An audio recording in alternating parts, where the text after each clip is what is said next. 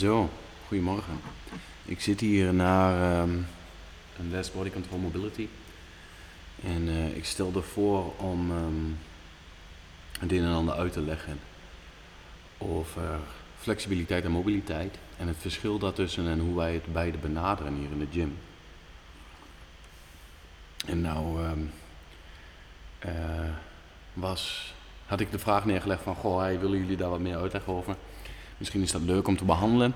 En toen kreeg ik één reactie, maar achteraf gezien kreeg ik meerdere reacties. Dus ik had even ook op mijn WhatsApp moeten kijken. Uh, nou is dat geen probleem. Ik zei al in de live sessie van, nou, dan, ga ik, uh, dan ga ik het toelichten en uitleggen in een video. En eventueel in een podcast. Dus voor de mensen die de video bekijken, uh, die kunnen ehm, wat visueler zien wat ik bedoel, ik heb een whiteboard naast me liggen, dus dan kan ik een beetje op uittekenen hoe wij uh, bepaalde dingen benaderen. Voor de mensen die de, het stukje podcast beluisteren. Um, ik zal zo duidelijk mogelijk proberen te praten en, uh, en toe te lichten. zonder beeldmateriaal moet het te volgen zijn, denk ik. In essentie hebben wij dezelfde benadering uh, met betrekking tot krachttraining uh, um, ten opzichte van mobiliteitstraining. Want wat wij willen, ik zeg altijd, wij trainen niet in spiergroepen, wij trainen niet in spieren, wij trainen in beweegketens. En waarbij het daarom gaat, is het stukje coördinatie wat erbij komt kijken als je beweegt en als je traint. En op dat, dat stukje coördinatie, dat is essentieel. Als jij um, de coördinatie um, van bepaalde ketens niet voor elkaar hebt, loop je sneller tegen blessures aan. Um, uh, het, het, hele simpele um, uh, feit daarin is, dan ben je niet zo sterk als dat je zou willen zijn. Of als dat je zou kunnen zijn.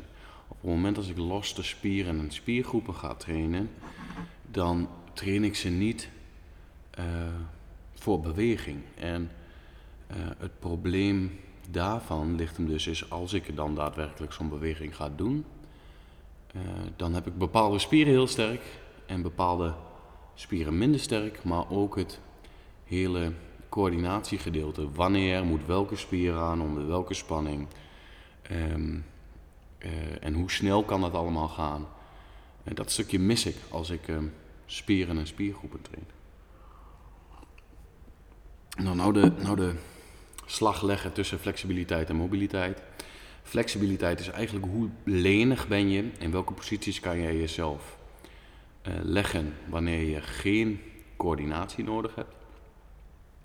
Dus dat noemen we flexibiliteit. En mobiliteit definiëren wij hier in de gym als um, we hebben een stukje uh, coördinatie. Coördinatie in combinatie met flexibiliteit. En wat betekent dat nou eigenlijk? Ik kan mijzelf sturen op de uitersten van mijn range of motion heb ik nog controle. En die controle is vrij essentieel.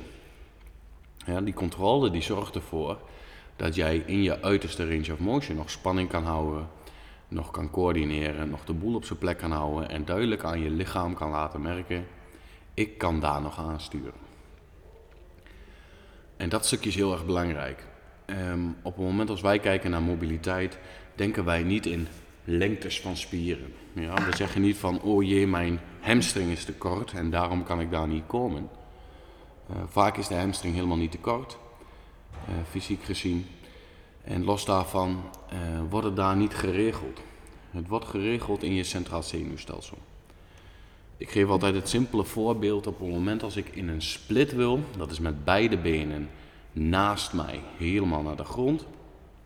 Die positie, daar ben ik niet comfortabel en de meeste mensen komen daar niet in de buurt. Um, maar als we werken met één been, ik kan prima één been horizontaal neerleggen op een tafel en de andere gewoon uh, laten staan op de vloer. Dan kan ik dat ook met mijn andere been.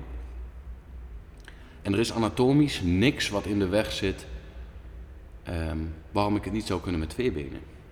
Niks.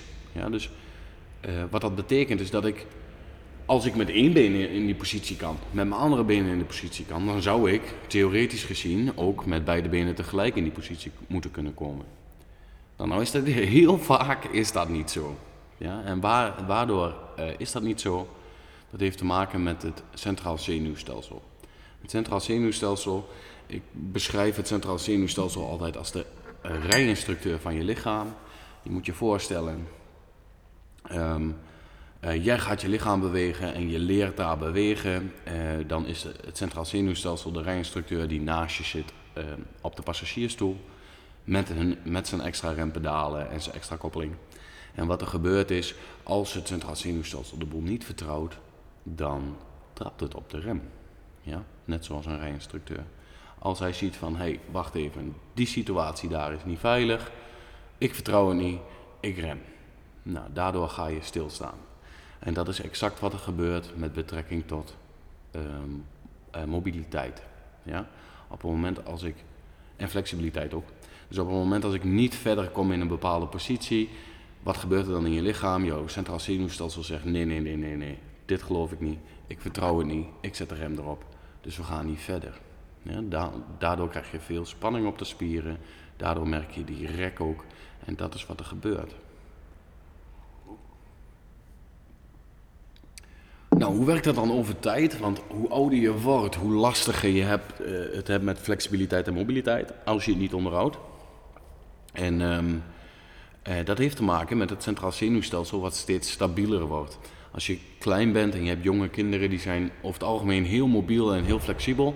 En dat komt omdat het centraal zenuwstelsel nog niet grenzen heeft aangelegd van oké, dit kan wel, dit kan niet. En het is nog heel soepel. En um, uh, als je bijvoorbeeld kijk naar de turnwereld, daar wordt heel vaak um, er uh, benaderd van hey, je moet er gewoon heen. Dus we duwen je wel daardoor heen en dan zie je ook volwassene kinderen op een, in een bepaalde positie duwen. Um, wat alleen veilig is bij kinderen om te doen, omdat het centraal zenuwstelsel nog niet stabiel genoeg is om die grenzen heel vast te zetten. Dus uh, dat kan alleen bij kinderen. Dat moet je niet proberen bij volwassenen, want dan scheur je alles af. Ja? Dus wij benaderen het ietsje anders. En um, hoe wij het benaderen is vrij simpel. Wij geven aan aan het centraal zenuwstelsel: hey, deze positie is veilig, hier kan ik nog bewegen. En daardoor krijgen wij meer bewegingsvrijheid. Ja, dat kunnen we op twee manieren, twee manieren doen. Uh, op één manier is alles uh, eerst uh, stabiliseren en centreren van de gewrichten. Dus alles zorgen dat we um, in de juiste positie krijgen. Dus het, je kan denken aan gewrichten zoals de schouder. Ik wil het glenohumeраal, dus het kop-komgewricht wil ik eerst op de plek hebben voordat ik mijn um, mobiliteitstraining in de schouder ga doen. Ik wil mijn nekwervels eerst op de plek hebben voordat ik mijn mobiliteit in de schouder ga doen. Wat dat voor zorgt is, het geeft al heel veel meer vrijheid in het gewricht zelf. En dat komt omdat het centraal zenuwstelsel ziet, hey, alles eromheen is stabiel. Als, alles, als de voorwaarden goed zijn, als jij goed geslapen hebt, als jij fris in je auto stapt en als de rijinstructeur ziet dat jij alert bent en goed wakker, dan mag je meer. Ja? Dan krijg je wat meer vrijheid van, de, van je rijinstructeur. Dus krijg je ook wat meer vrijheid van je centraal zenuwstelsel. Dus op die manier kunnen we het benaderen. En op de andere manier is juist op die extreme uh, posities in jouw range of motion, dus in jouw bewegingsuitslag, gaan bewegen. Want als ik daar ga bewegen, dan laat ik zien aan mijn uh, rijinstructeur, mijn centraal zenuwstelsel, ik heb daar nog controle. En als jij daar nog controle hebt, als je dat laat zien, dan geeft die rijinstructeur en je centraal zenuwstelsel in dit geval, geeft ook wat meer vrijheid daar. Omdat die zegt, oké, uh, ik zit in een extreme positie, maar jij kan daar nog controleren, jij kan het nog veilig houden.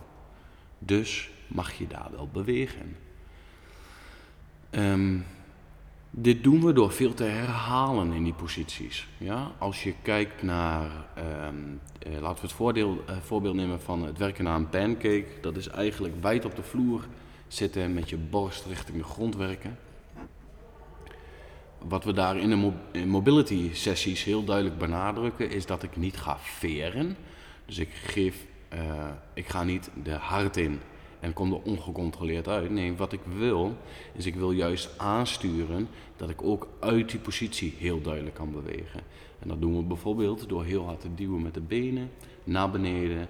En daardoor kan ik te makkelijker, eh, of daardoor geef ik aan aan het centraal zenuwstelsel dat ik daar nog controle heb.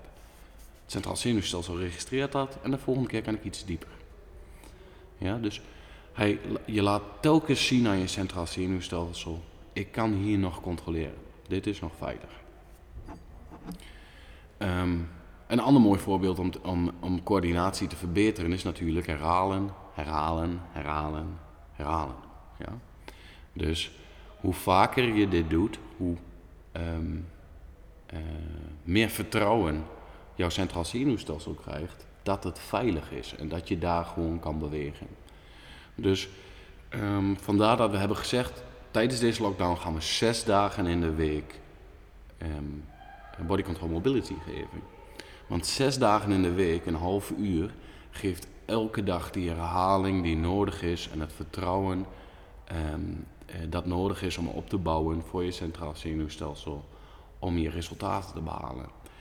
Bij um, uh, elke dag laten zien aan je centraal zenuwstelsel: hey, dit kan ik, hier, is, um, hier kan ik bewegen, hier is mogelijkheid. Krijg je dus ook duidelijke progressie naar jouw bepaalde mobiliteits- en flexibiliteitsdoelen.